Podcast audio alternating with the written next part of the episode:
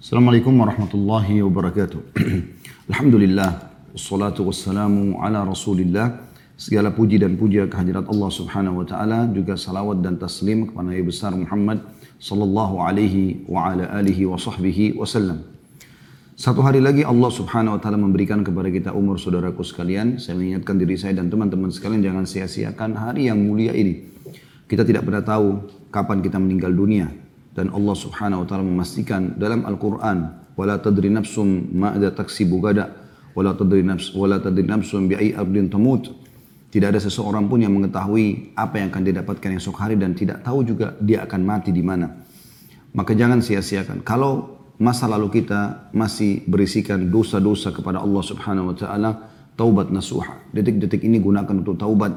Dari mana anda tahu? Mungkin dengan taubat beberapa detik ataupun menit maka seluruh dosa anda yang sudah sekian puluh tahun dimaafkan oleh Allah subhanahu wa ta'ala. Dan kalau dosa sudah dimaafkan, maka secara otomatis tentunya eh, fasilitas yang Allah siapkan akan kembali dan akan diberikan, bahkan bisa dilebihkan. Begitu juga kalau anda sudah beramal saleh, maka pertahankan minimal pada hari ini atau maksimal ditambah, ya, lebihkan daripada hari-hari sebelumnya. Kesempatan ini teman-teman sekalian melanjutkan bab baru yaitu jauhilah faktor-faktor penyebab kemaksiatan. Fahami dulu teman-teman sekalian, maksiat atau pelanggaran kepada Allah Subhanahu wa taala adalah racun kehidupan. Sekali lagi, racun kehidupan. Kalau Anda faham dia adalah racun, berarti dia akan merusak ya, tatanan hidup Anda. Tidak ada dosa teman-teman yang membawa pada ketentraman. Tidak ada dosa yang membawa pada kemakmuran. Tidak ada dosa yang tidak mempermalukan pelakunya. Allah subhanahu wa ta'ala dengan kemahakuasaannya. Bukankah anda biasa melihat koruptor, mungkin dia punya jabatan, dia punya nama, dia punya harta, dia bisa menyembunyikan dan merahasiakan strategi dia dalam mengatur korupsinya. Tapi bukankah Allah SWT punya cara? Hanya dengan satu kejadian atau sebuah berita atau seseorang memberikan kesaksian, terbongkar semuanya, akhirnya disita seluruhnya, dia dipermalukan, keluarganya, istri anaknya terbengkalai, dan akhirnya terlilit utang. Dan itu bukan satu dua orang. Kenapa kita teman-teman tidak mengambil pelajaran dari para pelaku-pelaku dosa seperti ini? Masih saja ada orang yang mau melakukan yang sama, padahal akibatnya akan sama. Allah mengatakan, walan tajida di sunnatillahi tabdila. Kalian tidak akan pernah mendapatkan perubahan dalam peraturan Allah. Orang yang melakukan dosa, maka akan dihukum. Orang yang mengikuti pelaku dosa itu dengan perbuatan yang sama akan dihukum yang sama. Tidak akan berbeda. Tidak akan ada perubahan. Orang yang patuh kepada Allah diberikan kenikmatan. Para nabi-nabi, para orang-orang soleh dari sahabat Nabi Ridwanullah alaihim. Bagaimana mereka adalah orang-orang yang tidak dikenal di Mekah. Mekah adalah sebuah desa yang kecil bagi penduduk dunia pada saat itu.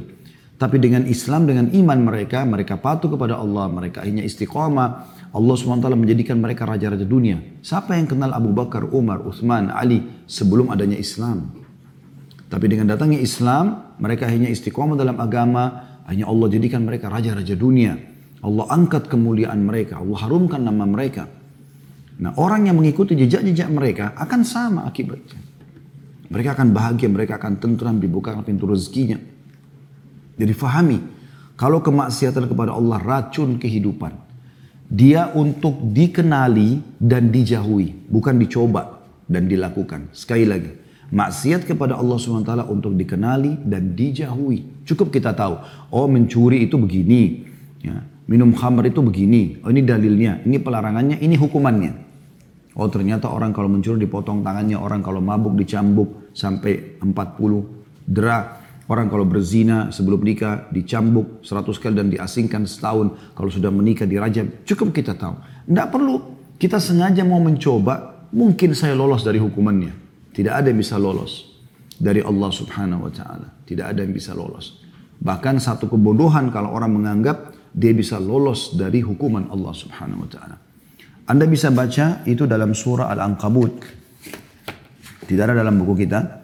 Saya akan coba bacakan surah nomor 29 dalam Al-Quran di ayat-ayat pertamanya ya. Dari ayat 1 kurang lebih sampai ayat 7-nya lah. Saya akan baca. A'udzubillahi rajim. Alif Lam Mim. Ini huruf-huruf di awal Al-Quran yang Allah lebih tahu maknanya. Ahasiban nasu an yutraku an yakulu amanna wa hum la yuftanun. Apakah manusia mengira bahwa mereka dibiarkan saja? Mereka mengatakan kami beriman sementara mereka tidak diuji. Jujur gak dalam imannya itu? Apakah mereka bisa bersabar dalam cobaan Allah SWT sebagaimana mereka bersyukur pada saat nikmat sedang ada? Ayat tiganya, وَلَقَدْ فَتَنَّ الَّذِينَ مِنْ قَبْلِهِمْ فَلَا يَعْلَمَنَّ, فلا يعلمن اللَّهُ الَّذِينَ صَدَقُوا وَلَا يَعْلَمَنَّ الْكَاذِبِينَ Saya ulangi, وَلَقَدْ فَتَنَّ الَّذِينَ مِنْ قَبْلِهِمْ فَلَا يَعْلَمَنَّ اللَّهُ الَّذِينَ صَدَقُوا وَلَا يَعْلَمَنَّ الْكَاذِبِينَ dan sungguhnya kami telah menguji orang-orang sebelum mereka. Maka sungguhnya Allah mengetahui orang-orang yang benar dengan keimanannya dan sungguhnya juga dia mengetahui orang-orang yang dusta. Ayat 4, ini inti yang sedang ingin saya sampaikan. Am hasibal ladina ya'maluna sayyiati ay yasbiquna sa'a ma yahkumun. Renungi baik-baik terjemahannya. Apakah orang-orang yang mengerjakan kejahatan, kemaksiatan itu mengira bahwa mereka akan luput dari azab kami? Perhatikan ayat ini turun dari 1400 tahun yang lalu. Amat buruklah apa yang mereka fahami itu. Tetapkan itu. Gak ada dosa yang tidak dihukum oleh Allah subhanahu wa ta'ala. Allah akan hukum cepat atau lambat. Allah akan bongkar cepat atau lambat. Ayat limanya, "Man kana yarju liqa Allah fa inna ajalallahi la'at wa huwa as-sami'ul 'alim." Barang siapa mengharapkan pertemuan dengan Allah, dia mau masuk ke dalam surga di akhirat nanti, maka sungguhnya waktu yang dijanjikan Allah itu pasti datang. Kalian akan mati, kalian akan dibangkitkan di mahsyar, kalian akan menuju ke surga kalau beriman. Kalian juga akan menuju ke neraka kalau kafir, ataupun melakukan kemaksiatan yang tidak terampuni dosanya seperti syirik, munafik. Dan dialah yang maha mendengar lagi maha mengetahui. Ayat 6-nya. Wa man jahada fa inna ma yujahidu li nafsi inna Allah la ghaniyun 'anil 'alamin. Dan barang siapa yang berjihad, maksudnya di sini berusaha dengan kuat, maka sukunya jihadnya itu adalah untuk dirinya sendiri. Kalau dia sholat, dia puasa, dia paksakan dirinya bersedekah, melakukan haji dan umroh segala macam untuk diri dia sendiri. Allah tidak butuh dengan amal kita. Sesungguhnya Allah benar-benar maha kaya atau tidak memerlukan sesuatu dari semesta alam ini. Ayat tujuhnya. Walladzina aman wa amilus salihati lanukaffiranna anhum sayiati wa lanajziyannahum ahsanan ladhi kanu. Dan orang-orang yang beriman dan beramal soleh. Ya, beriman diikuti dengan patuh mengerjakan ketaatan setelah itu. Benar-benar akan kami hapuskan dari mereka dosa-dosa mereka dan benar-benar akan kami berikan mereka balasan lebih baik daripada apa yang mereka kerjakan. Allah subhanahu wa ta'ala tidak melihat lagi masa lalu kita selama kita bertaubat. Ini pembukaan tentang makna secara imaninya, ya, secara spiritual masalah kemaksiatan. Bagaimana kita memahami ini teman-teman sekalian agar jangan selalu menganggap remeh dosa itu seakan-akan dia tidak berefek. Bahkan teman-teman sekalian, umumnya dosa yang dikerjakan efeknya jangka panjang. Mungkin Anda berzina setengah jam saja atau satu jam saja di kamar hotel. Sudah cukup Allah menghukum Anda setahun, dua tahun, tiga tahun, kegelisahan, ribut rumah tangga, susah punya anak, e, bangkrut usaha, segala macam hal. Efeknya hanya karena satu kedosa besar tadi. Mungkin hanya dengan sekali kedukun, melakukan sihir, Cukup Anda hancurkan hidup Anda. Susah hidup. Anak jadi durhaka, cerai sama suami, cerai sama istri, atau ribut sama mertua, dan segala macam ribut sama tetangga. Eh, rumah kebakaran tiba-tiba banyak hal yang terjadi. Yang banyak manusia tidak mengambil pelajaran. Allah tidak akan pernah menghukum hambanya yang patuh. Sebagaimana Anda kalau kerja di satu perusahaan menjadi seorang pegawai yang berprestasi, Anda tidak akan dikeluarkan. Tidak ada sebabnya. Kita bicara perusahaan normal, kalau perusahaan itu bangkrut beda. Tapi kita bicara normal. Tidak. Pegawai prestasi akan disukai, bahkan akan awet. Saya waktu datang ke beberapa negara Timur Tengah, sempat diundang ceramah. Selain Saudi tentunya, karena Saudi biasa umuran haji. Saya pernah ke Emirat, pernah ke Qatar, pernah ke beberapa negara yang lain. Umumnya orang-orang kita di sana, subhanallah saya tanya, Pak sudah berapa lama di sini? 15 tahun. 17 tahun. Di satu perusahaan yang sama. Saya sampai bilang, apa tidak ada akad kerjanya? Dia bilang tidak. Selama kita bekerja baik, selama kita belum memutuskan akad kerja, perusahaan berpikir dipertahankan. Untuk apa ganti pegawai baru? Dan itu subhanallah fitrah. Itu fitrah, alam. Begitu juga kalau ada pegawai, walaupun dia berprestasi dari sisi pekerjaannya, tapi ternyata dia banyak melakukan pelanggaran-pelanggaran di perusahaan, telat datang, tidak mengerjakan pekerjaan, manipulasi data dan segala macam hal, maka akan dikeluarkan. Dan seperti itu kurang lebih rasionalnya. Saya akan bacakan teman-teman sekalian dan saya berharap apa yang kami sampaikan ini tolong direnungin teman-teman. Jangan masuk telinga kanan keluar telinga kiri. Saya tidak lakukan waktu duduk di sini meninggalkan keluarga saya pekerjaan. Teman-teman juga duduk menghadiri ya mungkin lowongan waktu meninggalkan, meninggalkan pekerjaan aktivitas untuk kita hanya testimoni dan seremoni saja. Kita di sini teman-teman untuk menambah iman kita. Apalagi bahasan kita tentang kiat-kiat hijrah. Bagaimana kita pindah dari alam kemaksiatan kepada alam ketaatan. Dan ini dua alam yang sangat berbeda. Kemaksiatan penuh dengan kegelapan, sumpah, sedih, cobaan-cobaan. Dan alam istiqamah adalah alam ketentraman. Subhanallah orang istiqamah ya, dengan imannya dan amal solehnya biar orang miskin teman-teman tinggal di pinggir kali kita temukan orangnya tentram hidupnya bahagia biar cobaannya berat penyakit yang kronis segala macam tetap juga dia tenang. Saya akan bacakan ditulis oleh penulis di sini di halaman 62. Jauhilah faktor-faktor penyebab kemaksiatan. Kata beliau saudaraku, kaulah muda. Kenapa dikhususkan kaulah muda? Karena umumnya yang membuat dosa adalah anak-anak muda. Orang tua jarang, kalaupun ada itu berarti sudah melampaui batas ya. Dan Nabi SAW menganggap itu adalah termasuk dosa-dosa besar yang berat sekali. Kalau orang, seperti kata Nabi SAW, termasuk orang yang Allah murka adalah seorang syekhun zani, orang tua yang berzina. Karena tidak ada faktor pemicunya untuk berzina di umur-umur tua gitu kan. Nah, tapi di teman-teman sekalian diajak kaulah muda. Karena memang kalau dia baik di masa mudanya berarti masa tuanya tentu akan jauh lebih baik. Mungkin Anda mengetahui dari pengalaman Anda dan kehidupan pribadi Anda bahwa kemaksiatan bukan datang secara tiba-tiba. Tapi ada sebabnya, ada penyebab, pembangkit, dan pendahuluannya. Jika anda saudaraku yang mulia bersungguh-sungguh membebaskan diri dari kemaksiatan dan menjauhinya, maka menutup segala pintu kemaksiatan adalah jalan pintas untuk menjauhi kemaksiatan tersebut. Pengertian itulah yang difahami oleh orang-orang yang disebut sebagai manusia paling alim pada zamannya. Tak kala ditanya oleh seseorang yang telah membunuh 99 jiwa dan genap 100 dengan membunuh seorang ahli ibadah yang salah dalam memberikan fatwa kepada dia. Orang alim itu berkata kepada pemuda tersebut, "Na'am, wa may yahulu bainaka wa bainat taubah, intaliq ila ardi kada wa kada, fa inna biha nasan ya'buduna Allah, fa'budillaha ma'ahum, wa la tarji ila ardika, fa innaha ardu su'in." Atau ardu sayin dikatakan sini. Lebih tepatnya sebenarnya ardu su'in ya. Baik, yang artinya jadi sebenarnya semua saya baca artinya hadis ini panjang ya bagaimana ada seseorang yang membunuh 99 jiwa. Hadis yang masyhur dalam riwayat uh, Imam Bukhari dan Muslim ya. Imam Bukhari riwayatkan nomor 3470, Imam Muslim nomor 2766. Jadi orang ini membunuh 99 jiwa lalu dia gelisah. Dia ingin taubat, ingin kembali kepada Allah SWT. Dia, dia datangi seorang yang abid, ahli ibadah tapi nggak punya ilmu agama. Dia tanya, dia mengatakan saya sudah membunuh 99 jiwa. Apakah masih ada taubat buat saya? Kata orang tersebut, tidak ada. Tidak mungkin. Kau sudah bunuh 99 orang. Maka dia pun karena putus asa, dia membunuh orang itu digenapkan 100. Lalu terus saja dia jalan sampai menemui seorang yang alim. Orang yang punya ilmu agama benar. Lalu dia mengatakan, saya sudah membunuh 100 jiwa. Apakah ada pintu tobat buat saya? Maka orang alim itu mengatakan, ya ini hadisnya. Saya baca terjemahannya. Kamu masih bisa bertaubat. Memang siapa yang dapat menghalangimu untuk bertaubat?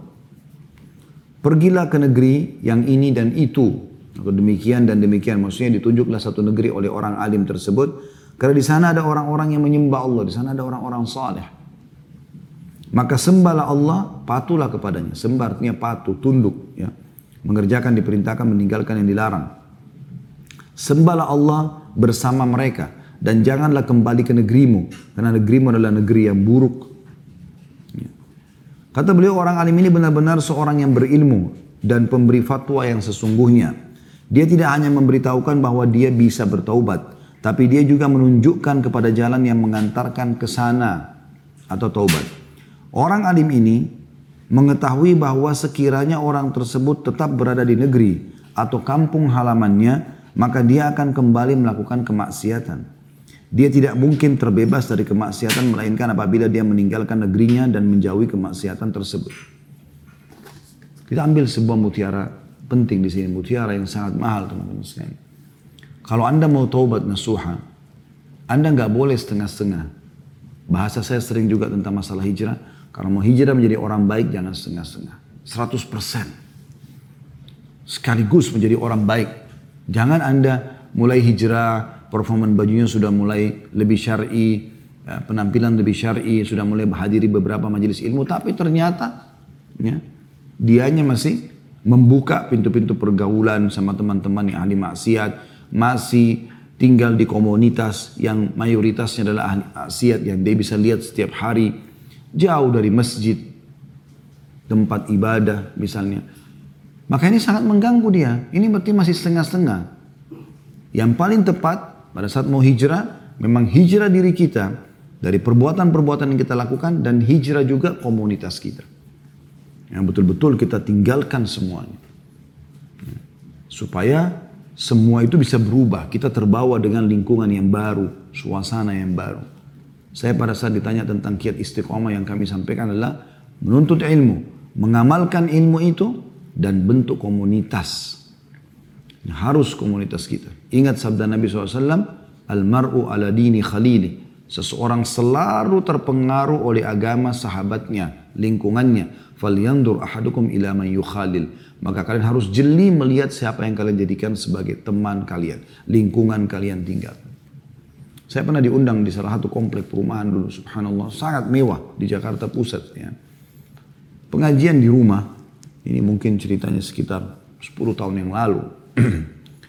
Pada saat azan, menjelang azan, saya mengatakan, saya mau sholat gitu. Terus tiba-tiba yang punya rumah mengatakan, kita sholat di sini. Saya bilang, saya biasa sholat di masjid. Lalu kata jawabannya dia saya masih ingat. Dia mengatakan di sini nggak ada masjid Ustaz. Masjidnya sangat jauh harus keluar. Jauh dari sini. Jadi saya heran komplek perumahan. Mungkin dalam komplek itu tidak kurang dari 100 rumah atau lebih. Mayoritasnya muslim, tidak ada masjid. Lalu kemudian e, mau sibuk mengadakan pengajian supaya bisa faham agama. Gak ada tempat ibadahnya Allah subhanahu wa ta'ala. Bagaimana bisa? Sementara kita diikat agar lima waktu sholat melapor tanda kutip kepada Allah absen sholat itu absen hayya ala sholat ayo menuju ayo mengerjakan sholat hayya ala falah ayo menuju kepada keberuntungan dunia dan akhirat. Kita lapor kepada Allah SWT dibersihkan dosa diangkat derajat dengan kita ke masjid. Setiap langkah diampuni dosa setiap langkah diangkat derajat setiap langkah dicatat pahala. Kita sholat berjamaah dapat pahala yang berlipat ganda. Dapat doa malaikat setelah sholat sebelum bicara sebelum berdiri dari tempat sholat didoakan. Ya Allah ampun dia rahmati dia terus sampai dia berdiri dari musolanya. Bagaimana bisa terjadi? Itu? Jadi harus diikutin dengan hijrahnya semuanya. Saya temukan beberapa ikhwan dan akhwat kita begitu. Yang hijrah itu sebenarnya adalah performannya. Bagaimana dia ubah pakaiannya lebih syar'i. Jilbabnya sudah syar'i, bahkan pakai cadar. Tapi dia nggak mengubah perbuatannya, dia nggak hijrah dari perbuatan buruknya.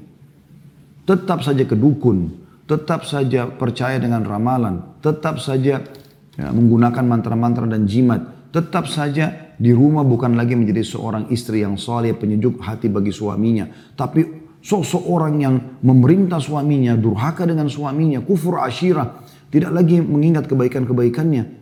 Yang Nabi SAW mengatakan wanita ahli neraka adalah wanita atau paling banyak wanita masuk neraka karena mereka kufur asyirah. Artinya memungkiri kebaikan suami. Sampai kalau suaminya berbuat satu kesalahan maka dia mengatakan saya tidak pernah melihat kebaikanmu sedikit pun. Padahal sudah berbuat satu, satu, satu abad bersama satu seratus tahun sama dia. Tetap aja dia bisa melupakan dengan itu. Itu ahli neraka dan tidak boleh muslimah yang hijrah seperti ini. Dia harus meninggalkan sifat ini karena sifat ahli neraka. Dia harus setelah hijrah menjadi orang yang betul-betul hijrah perubahan sikapnya pun. Senyum, ramah, merayu suaminya, menghilangkan letihnya, meringankan bebannya. Harus begitu. Seorang ikhwah pun begitu. Padahal tadinya dia biasa mabuk-mabukan, dia biasa narkotika, dia biasa ke diskotik, dia biasa berzina di luar sana sama sembarangan perempuan. Setelah hijrah bukan cuma performennya, bukan hanya jenggot dan pakaian. Dia harus pulang ke rumah dalam kondisi betul-betul. Dia memberikan hak istrinya, ya. Dia memberikan nafkah dari sumber halal, dia bercanda dengan suami istrinya, dia berikan hak biologisnya, dia berikan pakaian makanan yang terbaik, lalu dia nikmati yang halal itu. Karena kata Nabi SAW, kalau seseorang dari kalian bangkit syahwatnya, kalau seseorang dari kalian bangkit syahwatnya karena melihat wanita yang bukan mahramnya di luar rumah, kembalilah kepada istrinya. Karena istri memiliki apa yang dimiliki orang-orang tersebut. Artinya sama kemaluannya, tanda kutip di sini. Yang dia kalau lampiaskan selesai, syahwatnya akan reda. Begitu juga anak pada saat hijrah. Berapa banyak orang yang hijrah, ya, anak-anak performanya berubah, tapi sikap perubahan tidak berubah. Dia setelah tidak isbal pakaiannya sebagai laki-laki sudah berjenggot, sudah mulai akhwatnya pakai cadar, malah tambah durhaka sama orang tuanya. Dia ingin orang tuanya hijrah tapi kasar. Sementara Allah mengatakan orang tuamu kafir atau beriman sama wala taqul uffin. Jangan pernah ucapkan kalimat ah walaupun orang tua kafir, apalagi orang tua beriman, muslim. Dia sudah nonton sinetron selama 30 tahun, Anda tiba-tiba hijrah dalam satu minggu ikuti pengajian, tiba-tiba mau matikan TV, ribut sama orang tua, nganggap mereka ahli neraka. Ini dari mana ini? Harus hijrah juga sikapnya. Justru harus lebih santun, lebih baik, dan lihat skala prioritas yang perlu diperbaiki mana. Tuduh orang tuanya orang kafir, ya, kasar dengan mereka, tidak memberikan wajah dan segala macam hal. Begitu juga orang tua yang sudah hijrah kepada anaknya, Selama ini Anda selalu sibuk dengan kegiatan di luar sana. Anak-anak juga butuh waktu untuk diberikan perhatian. Untuk dididik oleh Anda. Selain guru-guru yang mengajarkan mereka. Ajarkan mereka adab-adab. Mereka adalah amal jariah luar biasa. Saya duduk sekarang mengajar sini teman-teman. Orang tua saya panen pahala saya. Semoga Allah ikhlaskan niat kita. Karena saya tumbuh dari asi ibu saya. Saya bisa jalan juga dengan panduan mungkin beliau. Begitu juga ayah saya dari nafkahnya. Anak-anak adalah amal jariah terbesar. Kata Nabi SAW tujuh hal yang akan terus mengalir pahalanya bagi seseorang setelah mati di kuburannya. Salah satunya, ya, selain ilmu yang bermanfaat, selain sumur yang digali, sungai yang dialirkan, juga mushaf yang dibagikan, anak soleh yang mendoakan dia. Buat anak-anak kita, ingat kita Buat teman-teman kita pada saat keluar rumah anak-anak merindukan kita. Pada saat kita datang mereka sambut ayah gembira. Bukan sebaliknya pada saat kita keluar rumah mereka senyum mereka gembira karena sosok tanda kutip macan dan orang kasar ini sudah keluar. Dan pada saat kita masuk ke dalam rumah mereka semuanya diam ketakutan seperti orang yang tinggal di sebuah penjara. Harus hijrah semua. Anda sebagai pemilik perusahaan. Hijrah bukan cuma performannya. Bukan cuma penampilannya, tapi perbuatannya tidak berubah. Transaksi bank ribawi masih terjadi. Kemudian juga e, masih menunda-nunda haknya e, pegawai. Ya. Sementara Nabi SAW mengatakan berikanlah upah mereka sebelum keringatnya kering. Masih ditunda, masih segala macam hal. Gitu kan. Yang uniknya kadang-kadang masih mempekerjakan lawan-lawan jenis yang interaksi langsung sama dia. Misalnya sekretaris perempuan masuk berduaan ke dalam ruangannya dia. Ini jelas-jelas ikhtilat dan khalwat. Ikhtilat artinya bercampur laki-laki perempuan, apalagi diikuti dengan khalwat berduaan saja yang kata Nabi SAW kalau laki-laki dan perempuan berdua, yang ketikanya syaitan, siapa pun anda, sekuat apa pun iman anda, kan harusnya bisa hijrah 100% gitu kan? Transaksi yang haram, nota-nota, apa saja manipulasi data harus ditinggalkan semuanya. Hal-hal yang haram tinggalkan semua. Kalau pekerjaan perusahaan anda haram berhentikan, berhentikan.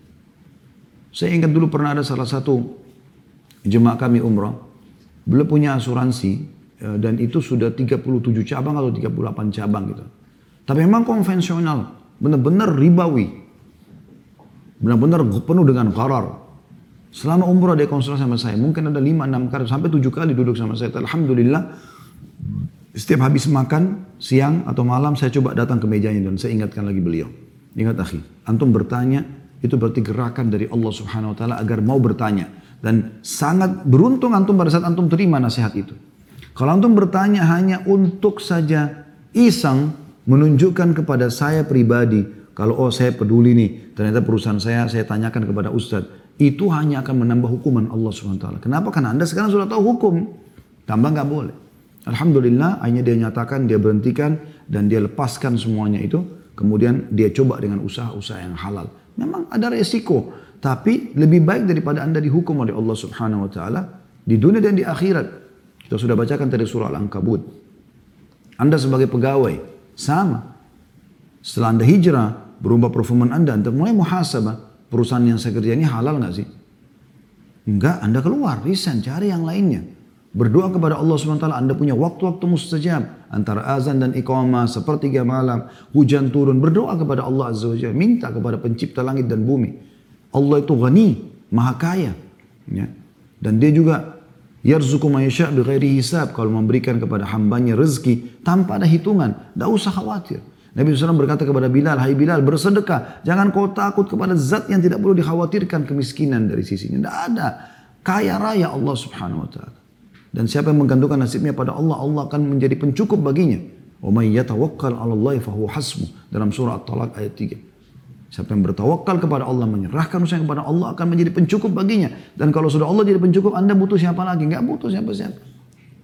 Semuanya, kalau Anda sedang dapat nikmat yang ciptakan Anda Allah, yang ciptakan nikmat itu Allah, yang juga mempertahankan hanya Allah. Kalau Anda diberikan cobaan, penyakit, apa saja yang lain-lain selain penyakit, yang ciptakan Anda Allah, yang ciptakan cobaan tersebut Allah, yang bisa menghilangkan hanya Allah.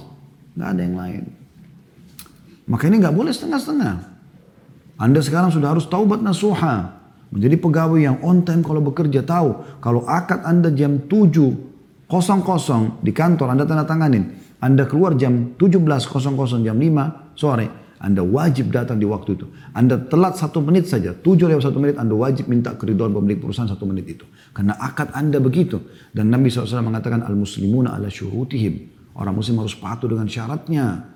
Nggak boleh. Kecuali Anda memang datang minta keridhaannya. Kita sayangkan kenapa perusahaan-perusahaan muslim, baik pemilik perusahaan ataupun bawahan, staff, itu tidak tidak menggambarkan Islam.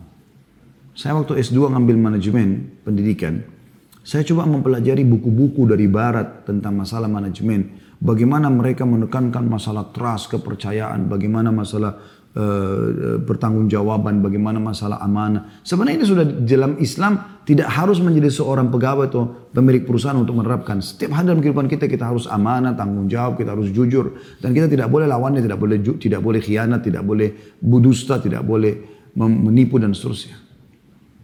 Sebenarnya kita sudah dididik, tapi sayangnya kenapa kita tidak terapkan dalam kehidupan kita teman-teman sekalian. Berhenti sekarang mengambil hak-hak yang bukan hak Anda. Anda kalau sudah digaji di perusahaan, Jangan pernah lagi mengambil yang bukan hak Anda. Misalnya disuruh oleh perusahaan belanja barang di tempat tertentu.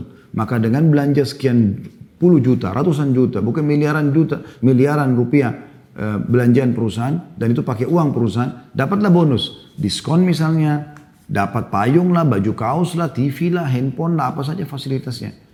Itu wajib Anda kembalikan kepada perusahaan. Wajib Anda amanah di situ. Tidak boleh Anda merasa itu hak Anda. Itu bukan uang Anda kan? Tidak boleh sama sekali.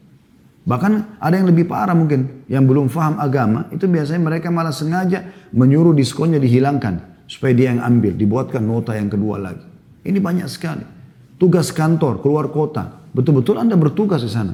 Bukan Anda melaporkan tiket palsu, kemudian Anda ambil uangnya. Sementara Anda cuma telepon-teleponan sama vendor yang Anda harus datangi, misalnya di Surabaya, kalau Anda dari Jakarta, atau di Semarang. Tidak boleh, amanah. Dan Anda dalam perjalanan tugas itu dapat pahala. Ini harus berubah semuanya. Jadi tidak boleh setengah-setengah dalam meninggalkan kemaksiatan pelanggaran tersebut. Sebagai tetangga, berhenti menyakiti tetangganya. Sebagai teman, menjadi teman yang terbaik buat temannya. Yang penuh dengan loyalitas, penuh dengan royal. Ya, mentraktir mereka, menasihatin mereka. Kalau mereka mau baik, Alhamdulillah. Kita mencintai mereka karena Allah. Kalau mereka tidak mau berubah, kita tinggalkan juga karena Allah. Anda sudah ingat hadis atau masih ingat hadis Nabi SAW tujuh golongan yang Allah naungi hari kiamat tidak ada naungan kecuali naungan Allah. Dua orang yang sedang mencintai karena Allah dan berpisah juga karena Allah.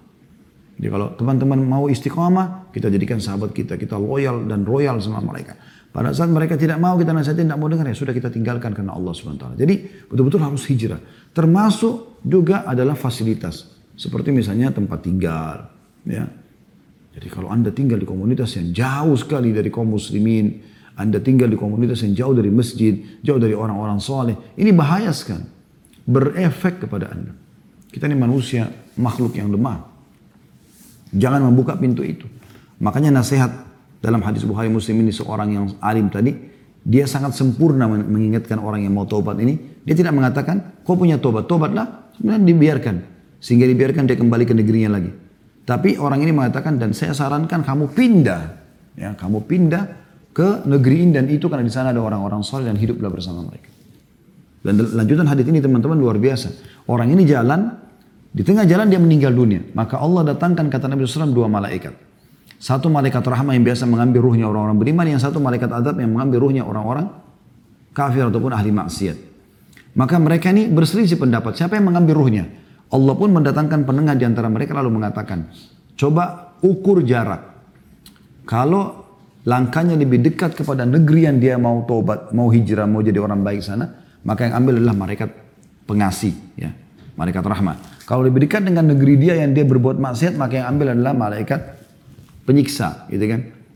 Maka Allah Subhanahu Wa Taala kata Nabi SAW, ya, me, me, me, men, mendekatkan negeri yang dia mau datang satu jengkal dan menjauhkan negeri yang uh, dia datang itu satu jengkal sehingga diambil oleh malaikat rahmat. Bagaimana Allah SWT terima dia? Ya. Kata beliau Ibnu Hajar rahimahullah berkata, dalam hadis ini terkandung keutamaan pindah dari negeri yang di dalamnya manusia melakukan kemaksiatan karena biasanya dia kalah menghadapi hal seperti itu.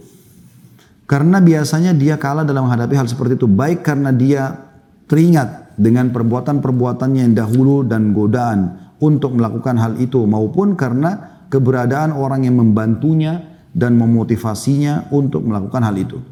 Karena itu sang alim yang dalam riwayat tadi terakhir mengatakan janganlah kembali ke negerimu. Karena negerimu adalah negeri yang buruk ini mengisyaratkan bahwa orang-orang yang taubat harus menjauhi situasi dan kondisi yang biasa dia temui pada saat melakukan kemaksiatan serta menjauh darinya secara keseluruhan. Ini di garis bawahi. Secara keseluruhan dan sibuk dengan selainnya. Diambil dari Fathul Bari, Syarah Sahih Bukhari, dinukil dari Ibnu Hajar di jilid 6 halaman 517 sampai 518. Kata beliau saudaraku, ketika bertobat, Anda tidak harus meninggalkan negeri Anda karena jika tetap Anda lakukan maka Anda akan selamanya menjadi pengembara, tidak bermukim. Tapi orang yang bersungguh-sungguh ketika merasa bahwa kemaksiatan senantiasa menggodanya hendaklah dia berpikir panjang mengenai dirinya dan merenungkan faktor-faktor apakah yang menyebabkan saya terjerumus ke dalam kemaksiatan ini. Jika penyebabnya adalah berteman dengan si fulan dan bergaul bersamanya, maka hendaknya saya menjauhi sebatas kemampuan. Jika penyebabnya adalah menyepi dan menyendiri, maka hendaklah aku meninggalkan atau menguranginya semampu mungkin. Jika penyebabnya adalah keluar ke pasar, menonton televisi atau membaca majalah, maka keinginanku untuk meninggalkan kemaksiatan harus membuatku meninggalkan semua itu terlebih dahulu. Jika pikiranku mengenai kemaksiatan adalah bunga api yang menyala-nyala dalam diriku, maka hendaknya aku berpikir atau menjauhi pikiran ini dan menyibukkan diri dengan yang lebih baik daripada itu semua. Jadi eh, kita coba lebih pertegas masalah ini. Hadis Bukhari yang menjelaskan tentang tadi orang alim menyuruh seseorang yang bertobat untuk pindah, itu karena ada beberapa hal juga yang perlu dititik beratkan. Orang alim ini mengetahui negeri orang itu memang penuh dengan orang-orang yang seperti ini, pembunuh, penjahat, dan bisa dikatakan minoritas sekali orang-orang soleh di sana. Maka si alim ini tahu kalau dia kembali orang ini ke negerinya maka akan jadi masalah. Nah begitulah keadaan kalau anda berada di satu komunitas yang betul-betul semuanya buruk. Anda satu negeri, negeri itu semuanya bebas. Bebas, seks bebas, uh, narkotika, khamar, bunuh, membunuh. Ya, anda pindah tempat. Kalau ternyata bukan seperti itu. Misalnya Anda cuma ada di satu perusahaan secara substansial. Perusahaan itulah yang rusak misalnya. Haram dan segala macam. Produksi uh, rokok lah, khamr lah, apalah segala macam. Maka Anda pindah dari itu dan pindah ke perusahaan yang lain. Kalau Anda berada di satu komplek perumahan, ternyata komplek itu yang Anda ada 10 rumah, 9 rumah semuanya ahli maksiat. Dan mereka terbiasa buat pesta-pesta, mabuk-mabuk di situ dan segala macam. Anda pindah ke komunitas yang lain. Jadi tidak harus meninggalkan negerinya. Kecuali keadaannya seperti tadi. Itu yang dibahasakan oleh penulis di sini ya. Jadi dilihat. Atau kalau misalnya hanya karena komunitas Anda, teman-teman reunian SMP, SMA ini yang ternyata jadi masalah. Dan saya sudah sering tekankan itu ya. Kalau Anda sekarang masih punya grup-grup WA, dan ternyata Anda reunian di situ dan di situ isinya ya, kemaksiatan kepada Allah keluar saja. Keluar saja nggak masalah. Kalau Anda di Japri Anda jawab. Maaf saya nggak bisa ada di situ tapi saya siap kalau ada apa-apa yang mau ditanyakan kepada saya. Komunikasi secara pribadi saja. Tapi ada di grup kita lihat uh, foto lawan jenis uh, apalah cuplikan-cuplikan yang kurang baik yang mengundang syahwat terjadi diskusi giba dalam situ ya fitnah orang dan segala macam atau berbicara yang bukan ahlinya bicara tentang masalah politik lah, masalah toko-toko nasional lah yang tidak ada hubungannya sama dia sama sekali. Dan sulit dia untuk minta maaf kalau dia menyebutkan tentang kesalahan orang. Maka keluar saja dari situ. Karena itu hanya akan menambah permasalahan dalam hidup Anda. Ingat teman-teman, ini sering saya ingatkan. menuju ke akhirat, bawalah dua hal. Amal soleh dan teman soleh. Amal soleh membantu anda. Teman soleh juga akan membantu anda. Kalau amal anda kurang, syafaat dia akan membantu anda. Disebutkan dalam sebuah riwayat, nanti akan ada orang dikeluarkan dari neraka. Kemudian ahli neraka pada bertanya, setiap kali orang dikeluarkan dari neraka mereka saksikan. Siapa yang keluarkan orang ini? Apakah ada kerabatnya? Apakah syafaat dari para nabi-nabi? Maka dikatakan kepada mereka bukan. Dia memiliki seorang teman yang saleh yang masuk surga dan memohon kepada Allah dengan syafaatnya untuk menyelamatkan orang ini. Maka mereka berharap pada saat itu punya sadiqin hamim kata Allah dalam Al-Quran. Mereka berharap punya teman yang orang-orang baik dulu di dunia yang bisa menyelamatkan mereka. Ya. Jadi harus kita fahami tentang masalah ini teman-teman sekalian. Kemudian jangan bawa dua hal. Jangan bawa dosa dan jangan bawa musuh. Nah ini banyak orang ini sibuk dengan musuh setiap hari. Gunjing orang, gibah orang. Tadi di grup itu membicarakan tentang orang-orang politikus. Bukan alamnya dia. Ibu-ibu lagi goreng tempe bicara masalah politik. Untuk apa gitu? Masalah untuk apa? Manfaatnya apa? Atau mungkin teman-teman di warung kopi bicara masalah politik. Siapa Anda mau bicara masalah itu? Bukan alam Anda. Melahirkan permasalahan. Kalau itu memang ada pada mereka aibnya, maka gibah namanya. Sudah dosa besar. Kalau tidak ada pada mereka, maka fitnah namanya. Dan kita tugasnya selain kalau tobat, harus minta maaf kepada orang yang sudah kita zalim tersebut. Makanya Urwah bin Zubair rahimahullah pernah menasihati seorang anak muda yang mencaci maki Hajjaj. Hajjaj ini seseorang yang zalim betul di masanya dia. Ya, Perdana Menteri Khalifah yang membunuh semua orang yang tidak sefaham sama dia walaupun untuk ulama. Dan ulama-ulama yang robbani yang luar biasa. Yang terakhir dia muncul adalah Sa'id bin Jubair rahimahullah seorang ulama tabi'in yang masyhur. Yang jelas dicaci maki maka Urwah bin Zubair rahimahullah ini anaknya Zubair bin Awam sahabat Nabi yang mulia salah satu dari sepuluh yang dijamin masuk surga ya memegang tangannya sambil mengatakan wahai anak saudaraku Orang Arab kalau menghormati orang mengatakan wahai anak saudaraku maksudnya ayahmu pun saudaraku dalam Islam. Berhentilah kau membicarakan tentang Hajjaj. Karena kau dan Hajjaj sedang bersama-sama menuju kepada Tuhanmu. Semua akan menuju kepada hisab Allah hari kiamat. Dan ketahuilah siapa pun yang dizalimi oleh Hajjaj pasti Allah akan memberikan hak mereka dari hajjaj. Akan diambil pahala-pahala dikasih ke orang-orang ini. Kalau tidak cukup pahala hajjaj akan dikasih dosa-dosa mereka timbang kepada hajjaj. Tapi jangan lupa Allah pun akan memberikan kepada hajjaj hak dari orang yang menzaliminya. Maka mulai sekarang jangan sibuk kau bicarakan aibnya orang lain. Padahal waktu itu hajjaj seorang pemimpin yang zalim luar biasa. Tapi Urwa bin Zubair dengan keimannya mengingati. Kau siapa? Kecuali kau bisa datang nasihatin dia secara langsung, lain. Atau kau doakan paling tidak. Tapi kau membicarakan menukil aib orang, artis fulan, tokoh fulan. Bagaimana caranya kita minta maaf? Udah selesai. Kita doakan semoga Allah berikan hidayah supaya kita tidak dihisap oleh Allah hari kiamat. Atau kalau bisa nasihat kita sampai, maka itu yang baik. Selanjutnya kata beliau, saudaraku ketika bertaubat, anda tidak harus meninggalkan negeri Anda, saya ulangi tadi ya, karena jika Anda tetap, maaf ini sudah cukup panjang di atas, saya langsung sambungkan saja. Kata beliau, saudaraku yang mulia, dalam jiwa ini terdapat faktor-faktor yang mengajak kepada kemaksiatan dan syahwat yang senantiasa dilewati oleh saat oleh saat-saat lalai, lemah dan putus semangat. Jika Anda tidak menahan diri Anda dan menjauhkannya dari tempat-tempat kemaksiatan, maka nyaris ia akan mengalahkan Anda. Jadi ada memang saat-saatnya. Dosa itu teman-teman terjadi di saat kita lemah. Dan di saat kita lalai. Kayak lagi santai ya. Kapan anda duduk banyak nonton TV? Di saat anda lowong lakukan. Coba kalau anda lagi sibuk. Maka anda tidak ada waktu kadang-kadang untuk. Mungkin seharian bahkan ada orang seminggu. Karena padatnya kerjanya dia nggak bisa lihat handphonenya. Ya. Tidak sempat nonton YouTube. Tidak sempat mengikuti Instagram segala macam. Orang banyak maksudnya di waktu-waktu lowong. Kata beliau, tahukah anda, seandainya seseorang memegang tali kendali hewan tunggangannya, padahal hewan tersebut melihat padang rumput di hadapannya, bukankah hewan tersebut akan menariknya ke sana? Bahkan mungkin akan mengalahkan dirinya. Sekiranya dia menjauhkannya, maka tentu itu lebih selamat baginya. Jadi artinya memang dia berusaha untuk menjauhi semua ya, faktor-faktor yang mengajak kepada kemaksiatan. Karena itu Rasulullah SAW berwasiat kepada para sahabat beliau ridwanullahi alaihim agar menjauhi pintu-pintu dan jalan-jalan kemaksiatan. Beliau bersabda kepada mereka, "Iyyakum wal julusa fit turuqat." Faqalu ya Rasulullah, malana min majalisina buddun natahaddatsu fiha."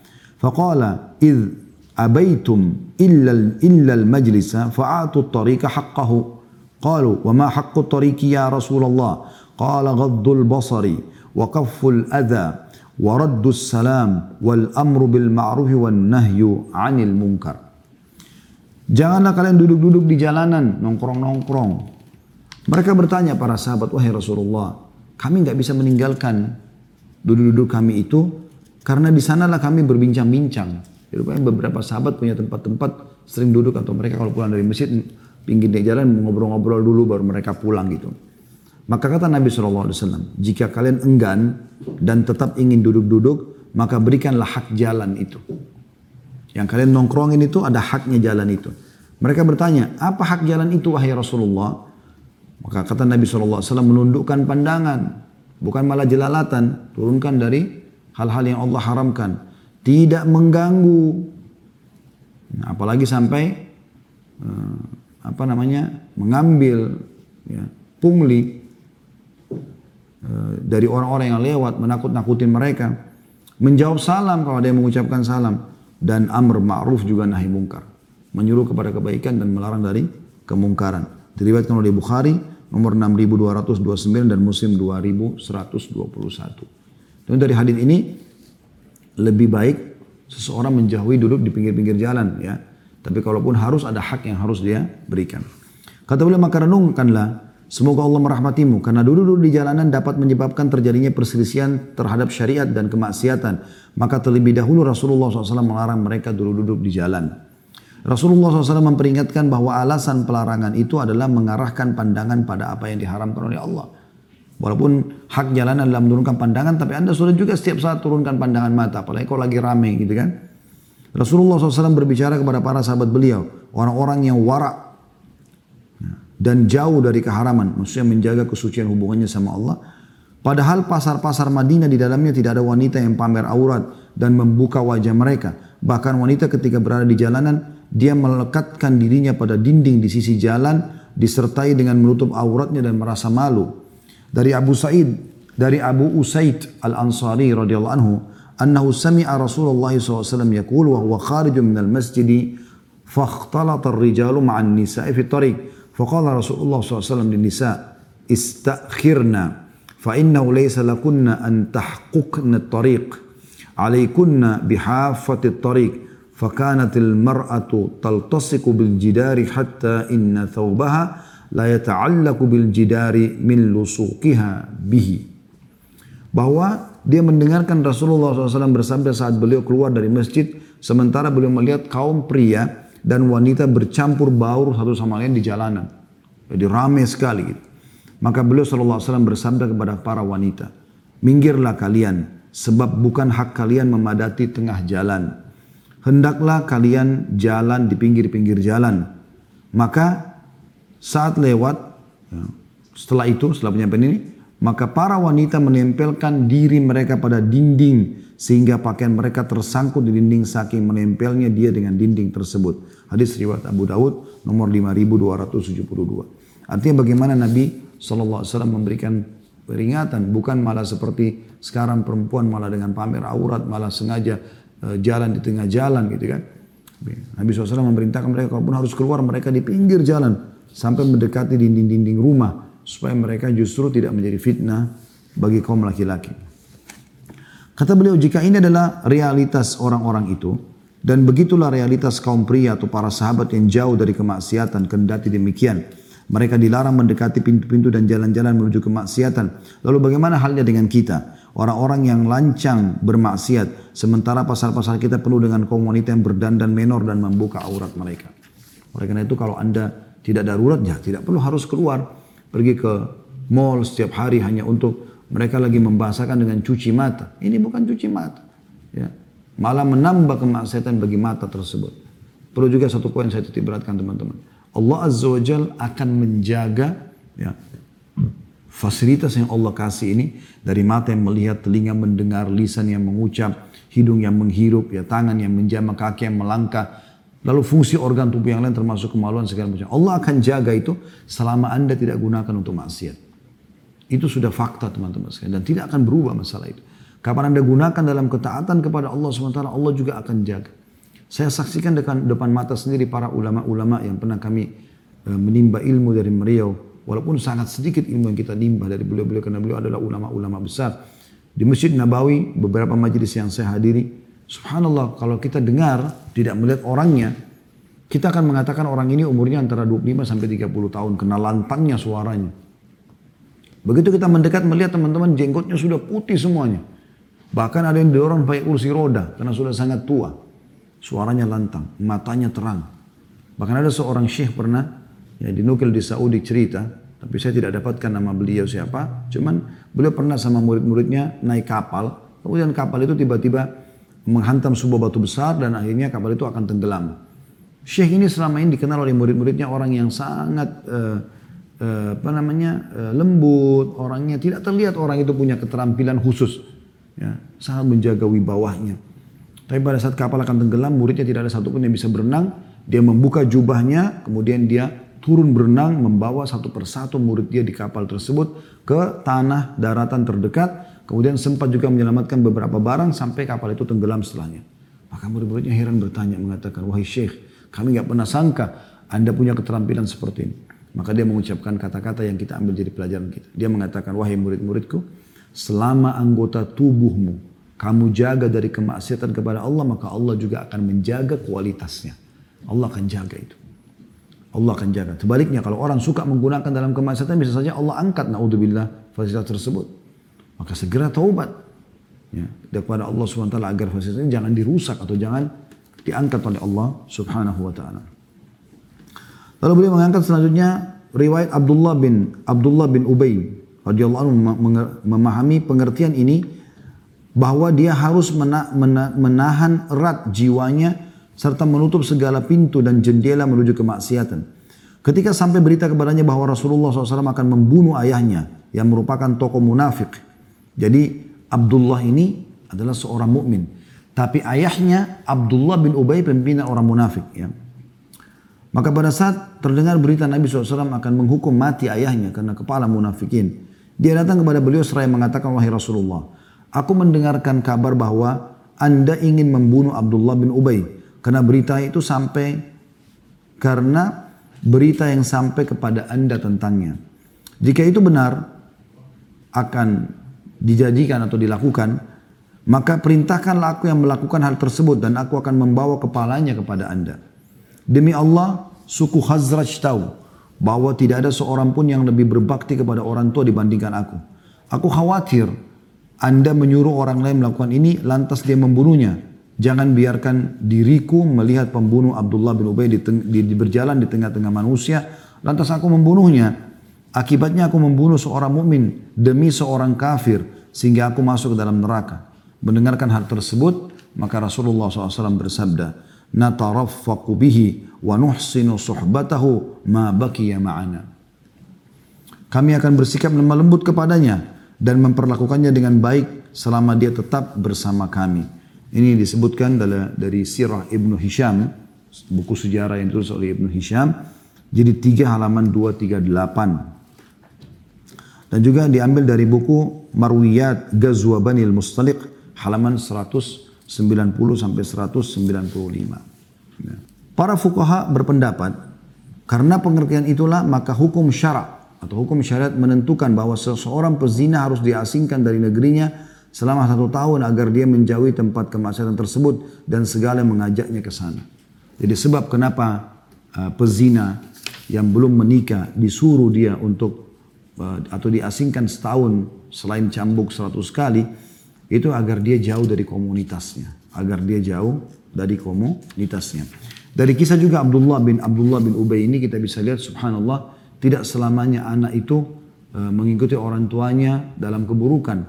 Karena banyak juga orang orang tuanya kafir, anaknya mukmin, orang tuanya fasik tapi anaknya hafal Quran, bahkan menjadi ulama. Banyak terjadi. Di antaranya seperti Abdullah.